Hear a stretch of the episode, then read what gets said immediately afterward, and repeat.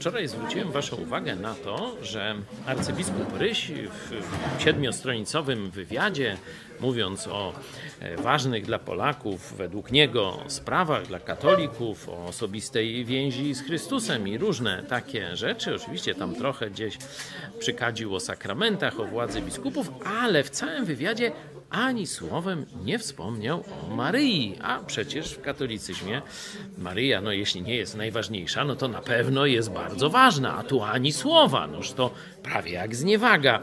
Poprosiłem Was o opinię w tej sprawie i tu podzielę się dwoma. Zbyszek Morelowski Chyba doszedł do wniosku Ryś, że kult maryjny oddala wiernych od kościoła katolickiego i nie zbliża do Boga. Czyli no, taki jak gdyby element y, komercyjny, że to przestało się sprzedawać, że ten taki XIX-wieczny, mm, narzucony troszeczkę przez jezuitów, taki silnie maryjny, już rys katolicyzmu, to już jest passe. No i drugi e, taki bardzo ciekawy głos, Zbigniew Wielgosz, to pewnie znaczy, że biskup został oddelegowany na protestancki odcinek frontu walki i właśnie jest faza przygotowania środków dywersji.